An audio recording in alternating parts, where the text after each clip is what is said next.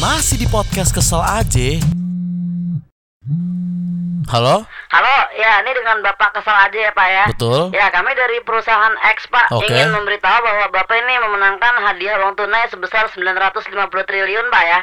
Tapi untuk verifikasinya Pak, Bapak harus transfer ke kita senilai 999.990. Gila, masih ada aja yang kayak lulu gini cuy. Maksud gue nih 2019 bro. Lu masih aja mencari nafkah dengan nge-brute force nelpon semua orang yang ada di data lu Dan berharap ada banyak yang tertipu sama lu gitu. Dan ada gitu yang masih percaya. Dan kalau lu lihat di Youtube ya Penipu-penipu telepon ini tuh suaranya gitu-gitu aja cuy. Logatnya itu-itu aja gitu. Kalau teman gue mungkin mereka berasal dari satu kampung yang sama Dan di kampung itu tuh kayak ya sebuah karir atau hobi aja gitu Menjadi penipu telepon. Bang gini bang ya. Zaman sekarang iPhone aja tuh udah bisa dicari bang letaknya di mana. Ngedit video nih bang nih yang syuting Reza Rahardian Terus kita replace pakai foto sama suara Jokowi Udah bisa bang zaman sekarang. Rekaman musik bang suara lu fals diedit supaya kena nadanya Udah bisa bang zaman sekarang. Lo jangan gaptek-gaptek amat lah. Maksudnya kalau emang goblok ya udah jadi yang standar-standar penjahat standar aja Maling kayak jambret kayak Lagi lu ngayal apa sih bang? Kayak lu bakal sukses dari 100 orang yang tertipu setiap harinya Dan duit lu numpuk dan lu bisa pakai itu untuk membiayai keluarga lu Untuk bayarin anak lu sekolah Untuk bayarin anak lu nikah kelak gitu.